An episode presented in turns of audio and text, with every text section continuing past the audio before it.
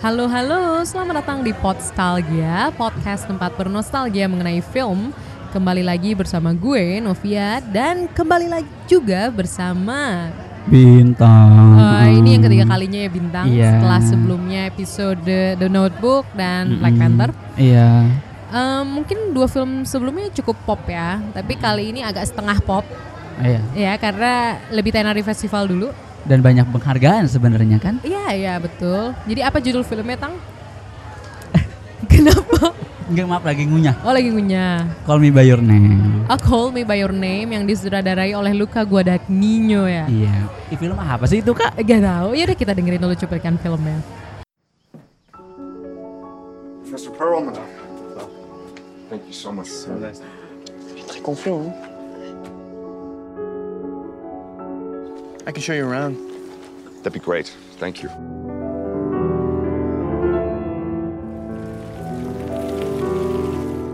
So what do you do around here?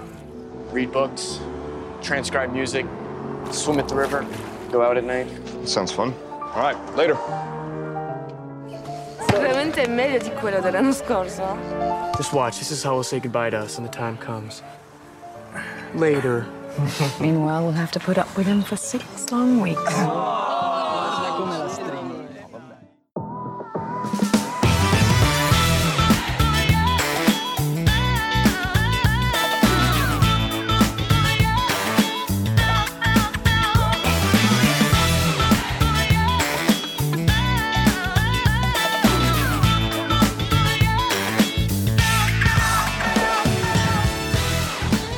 Oke, that was the trailer of Call Me By Your Name. Jadi langsung aja nih Tang ya, ya. Kenapa? Ya, ini pertanyaan yang biasa diutarakan di beberapa episode sebelumnya dan Iya. episode yang akan Hmm. datang juga. Kenapa lo pilih film ini? Kenapa gue film ini? Heeh. Ketika pertama kali gue nonton, Mm-mm. gue suka adalah karena pemeran utamanya kan Timothée Chalamet. Uh-uh. Kenapa emang Timothy Chalamet? He could speak French. Oh, tapi nama juga French, ya Iya, kan? Chalamet karena eh, Timothée-nya bapaknya, juga. bapaknya Mhm. itu dari Prancis dan ibunya itu seorang eh, apa namanya presenter berita di Amerika. Oh, gitu. Timothée Chalamet. Iya pertama kali gue nonton di filmnya ini eh, yang diperan eh, si Timothée Chalamet ini memerankan Elio. Itu dia bisa tiga bahasa.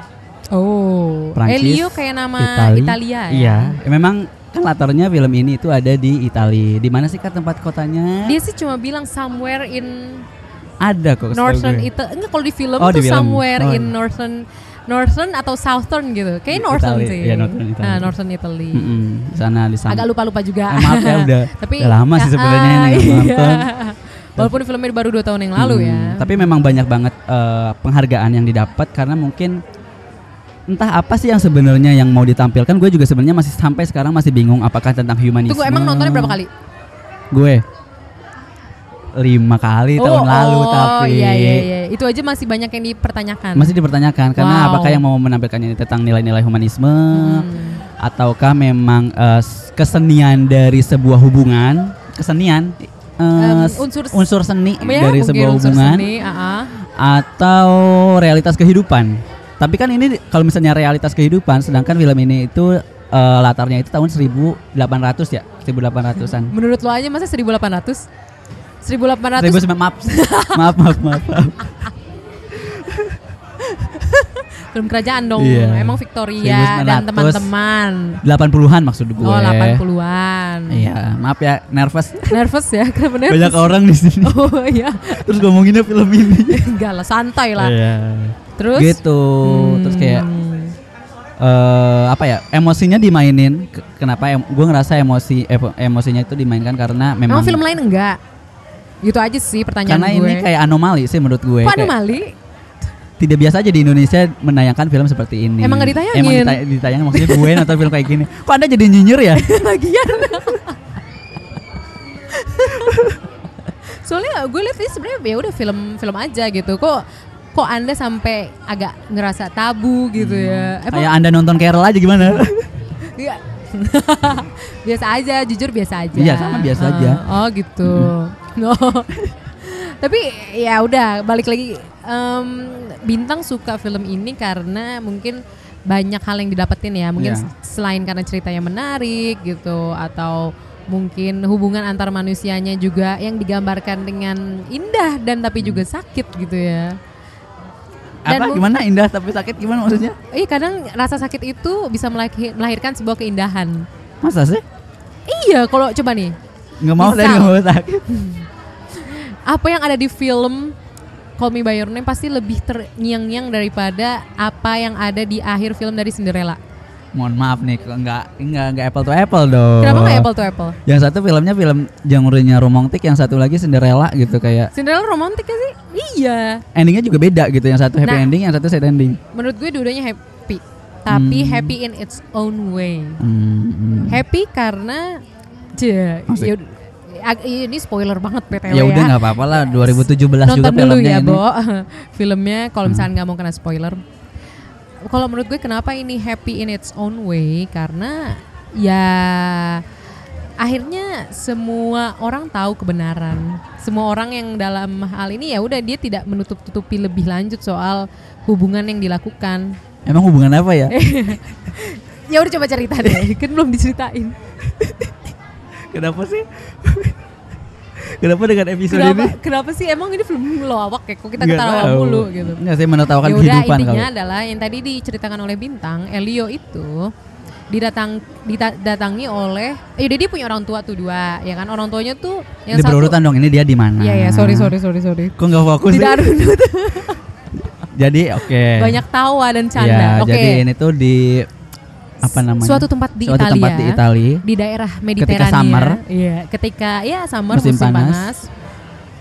Terus eh apa lagi? terus ya udah Elio itu bersama keluarganya berlibur di Italia rumah musim panas ya kan terus Keluarganya Elio ini gimana? keluarganya Elio tuh keluarga yang cultured Mhm, bapaknya itu researcher sejarah mhm. Elio juga bisa banyak bahasa yang tadi bintang sudah bilang ibunya juga bisa banyak bahasa Ben- juga Iya benar Jerman juga bisa ya. Heeh, ya jadi ibunya. kayak Elio ngomong sama bapaknya dengan bahasa Inggris tapi Elio ketika Elio ngomong sama emaknya ngomong bahasa Perancis Kema pembantunya ngomong bahasa Itali. dan nama om- iya sama Si Iya, siapa iya. sih gue lupa sama si namanya. Marzia Oh iya Eh, Marzia. Marzia itu kayak summer lovernya si Elio bahasa Perancis juga Bahasa Perancis juga. jadi gila ini film ini juga sebenarnya udah multi itu itu multi yang gue bahasa. suka kayak Iya, polyglot iya, iya. banget ya jadi orang kan. Iya iya. Dan ketika Elio ngomong sama si, eh belum selesai. Oke, itu Oh, iya, iya. selesai. Nah, terus ketika mereka berlibur eh, si bapaknya itu emang suka didatengin sama eh, orang-orang yang sama culture-nya sama mereka. Dan ketika summer ini dia didatangi oleh Oliver. Seperti namanya Oliver tuh nama anglophone banget ya Iya, dari mana bisa ditebak? dari Amerika Iya. Serikat. Bukan Inggris. Bukan. Nah, Ceng Jeng datang tuh si ganteng Diperankan oleh diperankan oleh My Lovely Army Oh Hammer. iya, Hammer gue mikir dulu siapa ya. yang Iya, dia selalu pakai kemeja, Hmm. kemeja summer gitu kan, terus dengan celana pendek Nah, kakinya. dia tujuannya ke Italia itu untuk apa sih penelitian ya? penelitian. S3 ya dia kalau salah ya, Heeh. S3. Kan orang-orang culture tuh ya, Iya. Bo, kan? Dan, dia pinter banget sih yang gue inget dia Iya, pinter iya, banget iya, sampai iya, bahkan iya. membantah bukan membantah kayak eh, berdialog eh, berdiskusi eh, kayak diskusinya tuh diskusi keras banget sama bapaknya si Elio. Iya. Ngomongin seni apa sih? Soal perbedaan. Iya, perbedaan sudut pandang mengenai seni deh kalau nggak salah. gitu. Wow, wow banget Patung ya. deh kalau nggak salah yang Gue dibahas. aja tuh. bingung Iya, sebenarnya gue juga apaan, tapi Ngomong kayak- apa sih gitu. Wow. Hmm. Menarik ya. Nah, dari situ ya udah kan namanya summer, Iya. terus banyak anak-anak yang juga berlibur. Heeh. Si Elio tuh punya cem-ceman namanya Marzia, Iya. ya kan yang kalau ngomong pakai bahasa Perancis. Mungkin diomongin umurnya kali Kak, kisaran si Oh Elio iya, ini berapa, Elio tuh kayaknya Oliver umur berapa. 17-an ya. Tapi Iya. Oliver tuh udah umur 20-an, 20 28 gitu. 20 gue PhD kali ya, kayak umur-umur iya, PhD 25, 25 26, 27, 28 lah ya. iya, iya. Ya kurang lebih mungkin beda 10 tahun gitu. Iya. Nah, ketika summer kan banyak orang-orang lain. Kalau Heeh. Elio tuh nangkringnya sama Marzia. Heeh. Kalau si Oliver ya nangkring sama cewek-cewek yang lain gitu Iya, loh. tante-tante gitu ya. Iya, ya? iya, iya, iya. Ya, yang dance Yang menari ya. bersama gitu. Oke, kan kelihatannya mereka udah saling punya pasangan, tapi se- seiring berjalannya musim Waktu, panas iya, ya. musim panas. Ini dia dimulai. Muncullah ternyata mereka tuh punya perasaan ketertarikan kayaknya Iya. ya satu sama lain. Heeh. Yang mana hal tersebut ya ya Sangat iya. pada ketika itu ya bukan hal yang umum diterima ya sampai sekarang Sampai juga sekarang. gitu. Apalagi si Oliver ini dengan dia itu pakai kalung eh, dengan bintang David. Anjir lu detail banget pak. Anjir lu detail banget. Emang lu nggak inget? Gue gak inget ya pakai gitu. Dia pakai kalung bintang Oh, David, iya. alias dia menyatakan kalau dia itu adalah seorang Jewish atau Ah. seorang Yahudi, ya kan? Iya. Yang kita tahu juga Yahudi itu seperti agama Samawi yang lain. Pada umumnya ajarannya itu tidak meng, pokoknya sangat heteronormatif. Heeh. Cewek dan cowok Ah. harus menikah untuk terus bikin keturunan dan sebagainya macam kan. Punya kebebasan lah maksudnya ya. Kebebasan dalam apa? Ya maksudnya nggak nggak nggak terikat harus kayak Hah? tadi yang lu bilang. Oh iya, maksudnya si Oliver. Heeh. Iya, tapi dia pakai kalung itu Iya. gitu. Nah, itu berarti kan cukup kompleks sebenarnya kan. Selain mereka juga sebenarnya su- suka kok sama cewek, ya kan? Tapi ya mereka tidak bisa memungkiri mereka punya hubungan Ah. spesial. Mungkin itu kalau mungkin kayak regardless of anything kayak nyuk- menyukain siapa pun gitu menyukai siapa pun ya menurut mereka ya nggak nggak apa nggak apa-apa mungkin menurut mereka.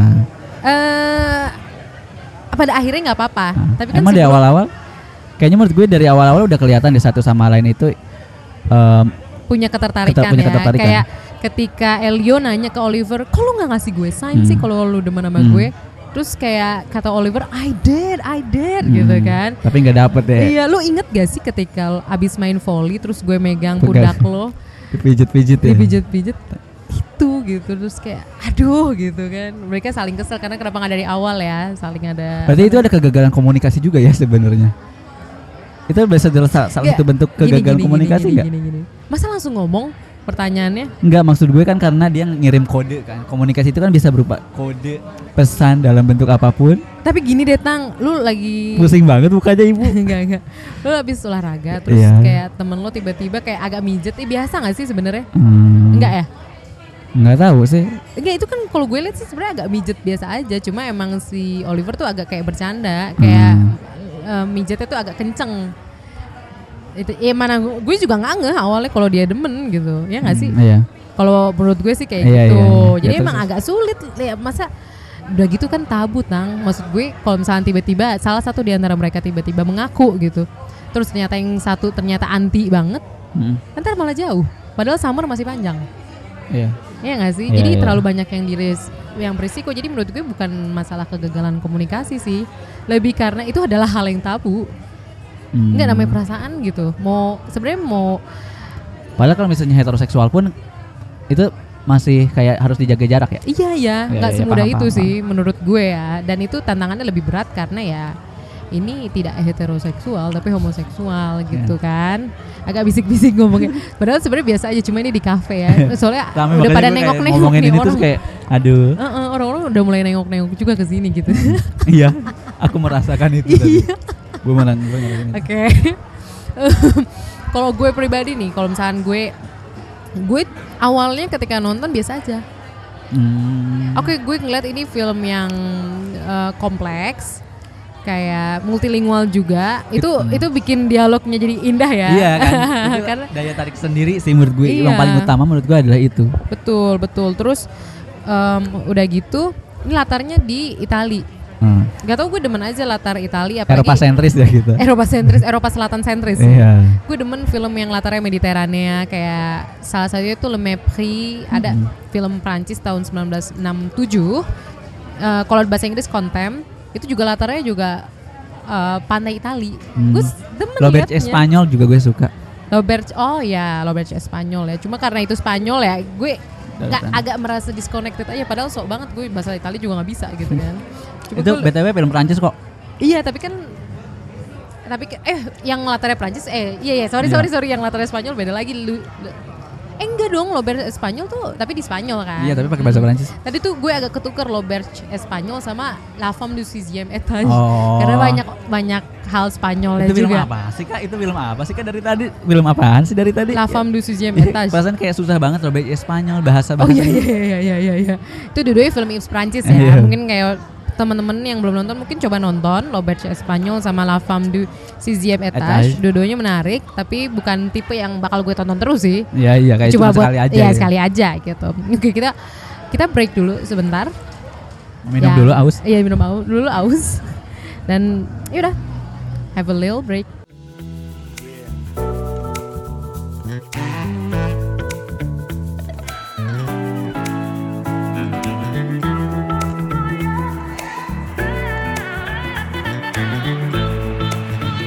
Oke, that was the break. Sumpah nih kalau sama bintang jadi ke mana-mana ngomongnya. Maaf ya. Iya. Dari zaman Black Panther ya ngomongin iya. politik. Oh, oh, kalau udah notebook kayak masih nyambung Iya, gitu ya. Ketawa-ketawa gitu. Heeh, pas Black Panther nih udah mulai ngaco, pas Ke mana-mana kalau gitu. Bayu Bayu Karena makin ngaco. diskusinya sih Iya. ketimbang kayak dari ceritanya itu sendiri.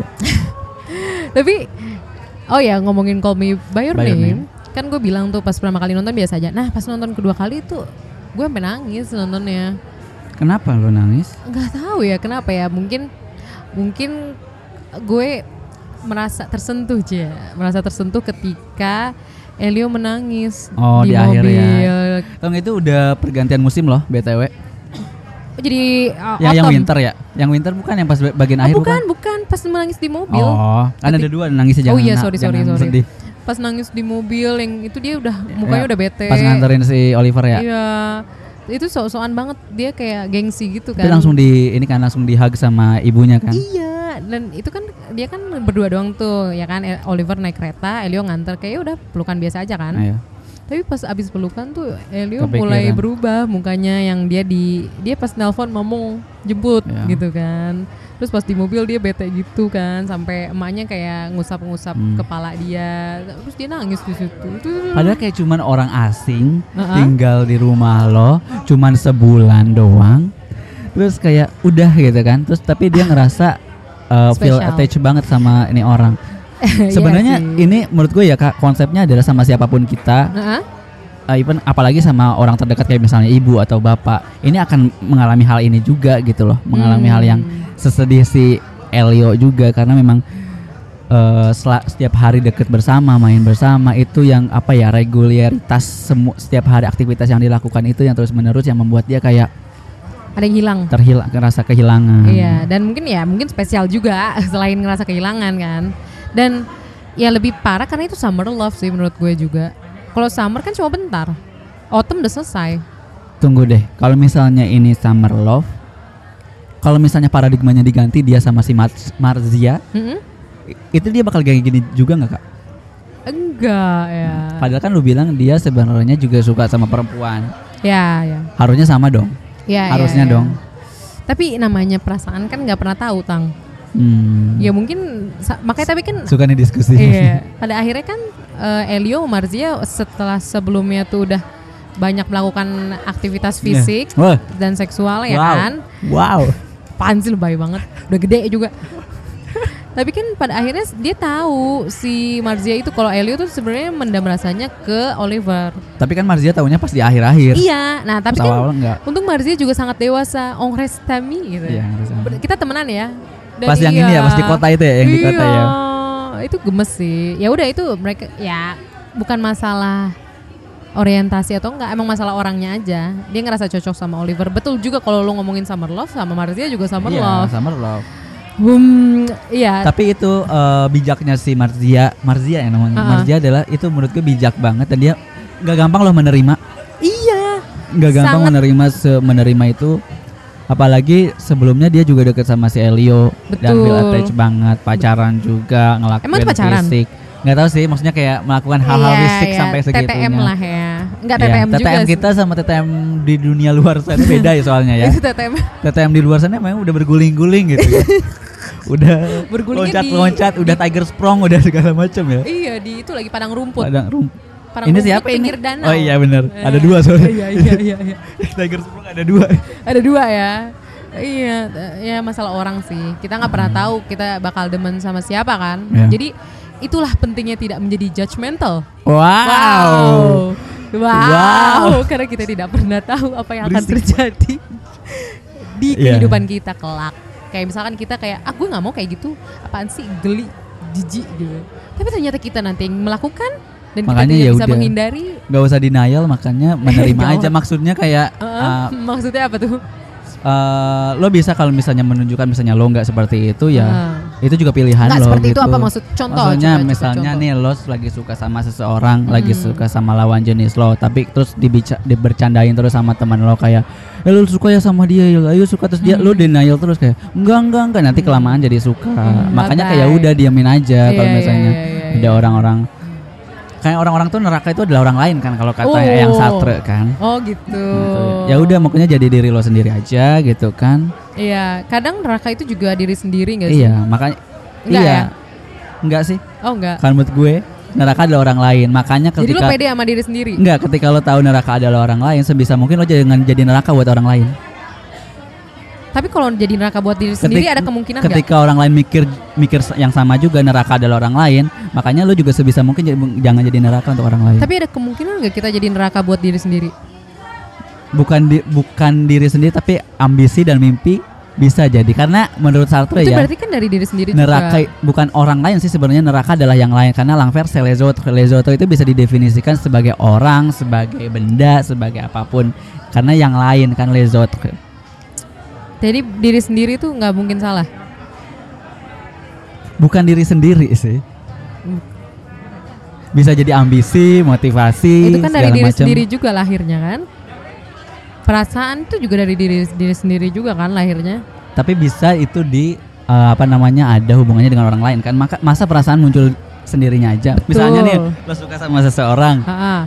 masa datang sendirinya maksudnya kalau misalnya orang tersebut enggak enggak apa Iya. yang enggak menarik perhatian lo atau apa pun Iya benar Kan. sih satu itu. Tapi menurut gue neraka juga bisa lahir sih dari diri sendiri. contohnya Kalau misalkan eh, kita melakukan sesuatu hal yang buruk, yang didim, maksudnya yang dianggap buruk gitu. Dan siapa yang menganggap buruk Ah? yang menganggap buruk siapa oh iya. Iya iya iya. Ah, ah, ah, ah. Pusing ya? Enggak enggak, maksud gue ya udah oke balik. Neraka bisa lahir dari diri sendiri karena karena benar sih kata lo, karena denying. Karena tidak mengakui diri sendiri ya itu apa bisa yang jadi kita rasakan itu jadi neraka ya. Itu Hmm. maksud gue itu itu. Oh, itu akan iya. jadi neraka karena bakal memakan kita sendiri. iya Ketidak terimaan kita pada Hmm. diri sendiri ya. ya ya udah balik lagi gitu maaf. Nah, Jadi itu neraka sudah, neraka sudah terjawab maaf maaf ya Terus kalau lo sendiri ada nggak bagian yang menarik dari film ini? Mungkin kayak dialog gitu atau ketika beberapa adegan. Kalau gue tuh pas adegan bapaknya nyeramahin, nggak nyeramahin, bapaknya ngobrol sama Elio. di mana nih Dia bagian akhir banget. Yang Iya. kayak kak bapaknya tuh udah tahu kalau Elio tuh yang di meja makan bukan ya di kursi di Iya, sofa iya, di sofa. sofa pokoknya si ah, bapaknya bilang yang lo rasain itu intinya ya kalau gue tangkap yang lo rasain itu oke kok nggak masalah gitu. Justru bagus lo bisa ngerasain hal itu. Karena kalau gue tangkap kalau yang gue tangkap ya nggak semua orang bisa ngerasain hal yang lo bisa rasakan. Yang dimaksud adalah dia kan Elio ngerasa bahagia banget tuh Hmm. sama Oliver kan happy banget. Dan bapaknya intinya bilang ya nggak apa-apa lo rasain aja perasaan itu. It's okay gitu loh. Karena nggak semua orang bisa ngerasain perasaan bahagia yang sama. Terus bapaknya bilang gue juga pernah hampir kayak tahap lo cuma gue tidak lanjutkan. Oh iya iya gue inget itu. Tapi Iya. sebenarnya jadinya turun temurun ya. Jadi kok gitu? Tadi kan kata lu, iya gue inget sih adegan itu, tapi tapi gue nggak ingat kalau misalnya bapaknya itu bilang kalau misalnya dia, Ha-ha. bapaknya itu juga pernah mengalami perasaan yang sama. implisit sih ngomongnya. Nah, namanya juga orang-orang pinter ya, Iya. Bo. Kayak agak implisit gitu loh, tidak to the point ya, Hmm. diplomatis Oh. ya. Iya intinya ngomong gitu kok.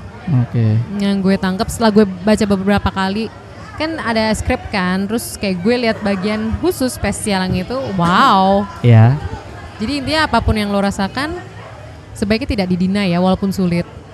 Karena menurut gue juga akar dari denial itu ya orang lain juga sih, yang Hmm. kata lo bilang Neraka adalah yang neraka lain. adalah yang lain karena mungkin kita takut dijauhi, Iya. kita takut di judge gitu, tidak kita takut nilai buruk mungkin Hmm. ya. Apalagi itu kan ceritanya tahun 80-an kan. Hmm. Lebih parah gitu, Hmm. lebih masih lebih konservatif secara sosial.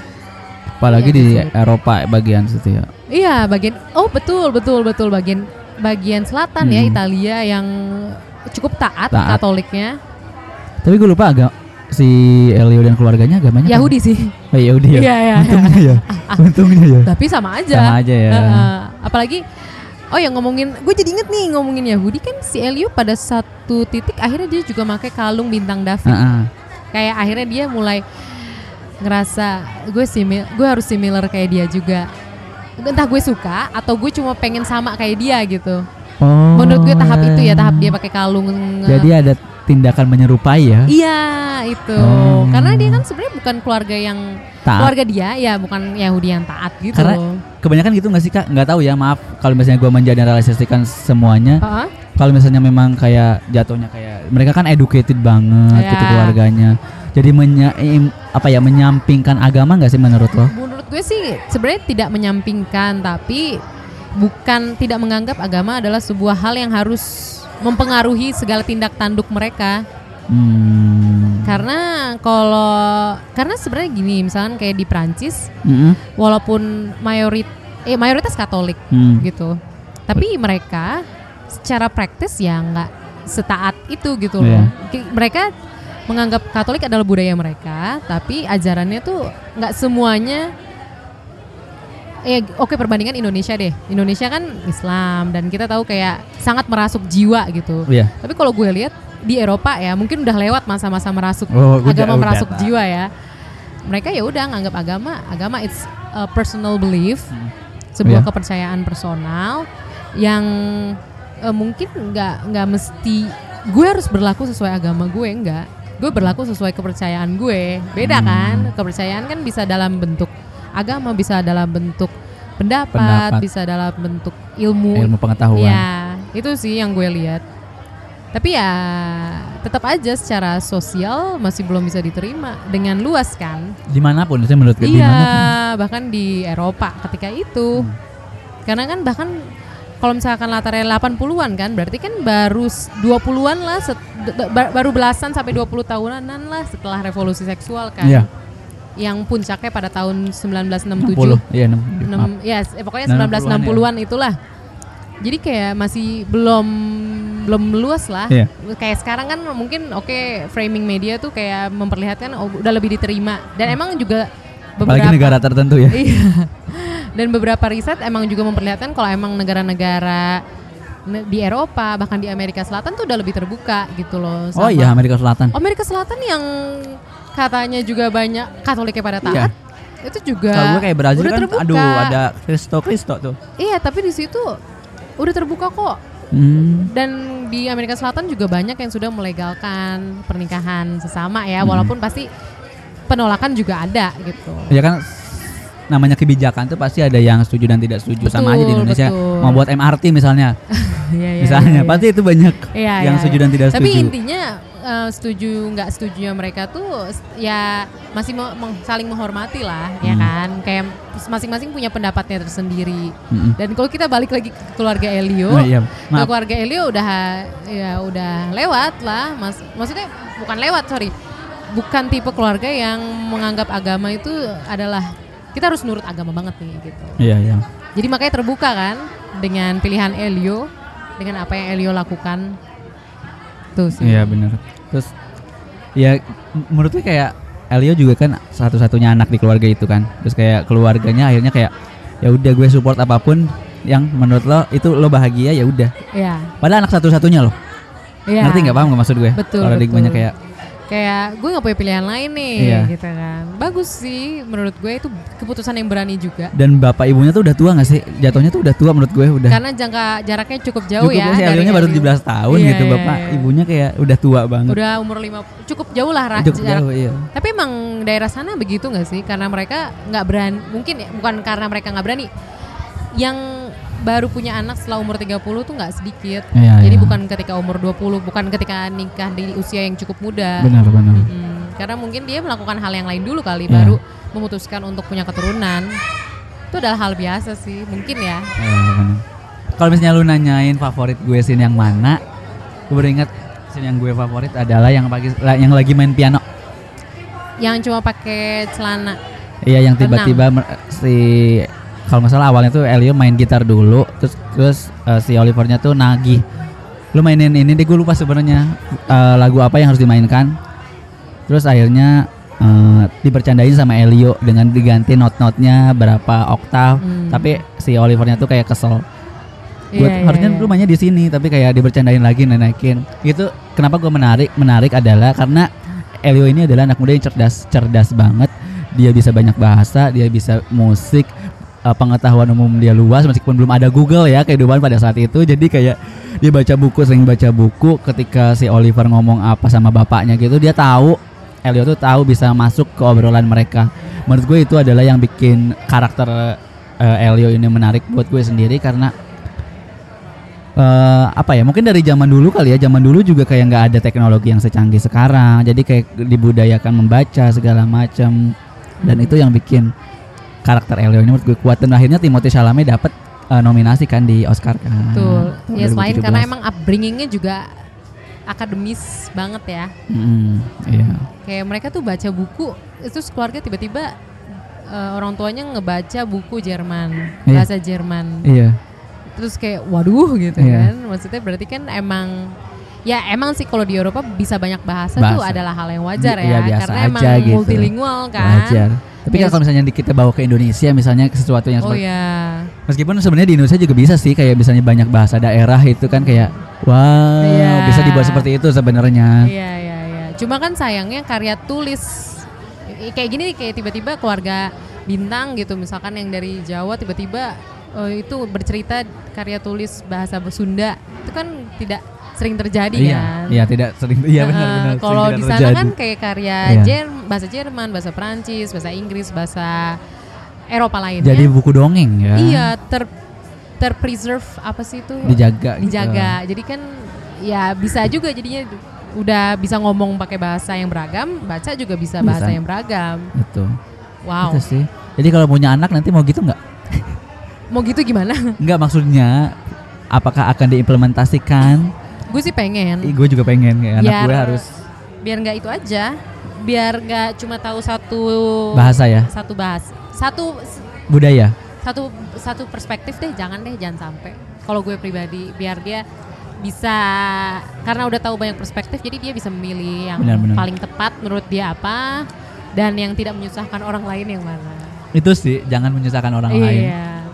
Walaupun ya kalau bekerja ya kita mikirin diri sendiri dulu sih, jangan sampai diri kita disusahin. Ya kan punya kalau bekerja kan kita punya job desknya masing-masing. Oh iya betul betul betul. Tapi kan kadang digrogoti juga oleh job desk orang lain. Nah, jadi neraka Aduh, jadi adalah mau- orang lain itu bisa diimplementasikan. Oke deh, bintang sudah 30 menit kita berbincang Iya. Mengenai film ini dan lagi-lagi kontroversial sih ya ng- ngomongin ini di sini. sebenarnya biasa aja sih. Di sini maksud gue Di sini oh di di Mac di Kemang ini sebut lagi. disebut. Ya udah terima kasih bintang. Gue Iya. sangat senang sekali lagi bisa berbincang-bincang.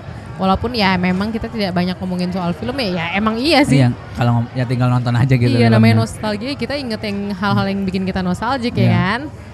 Oke deh. Thank you banget bintang sudah banyak sharing di film eh di film di episode ini. Iya. Terus untuk kritik atau saran atau apa pun bisa langsung mention ke @podstalgia di Twitter dan Instagram atau langsung email di podstalgia@gmail.com.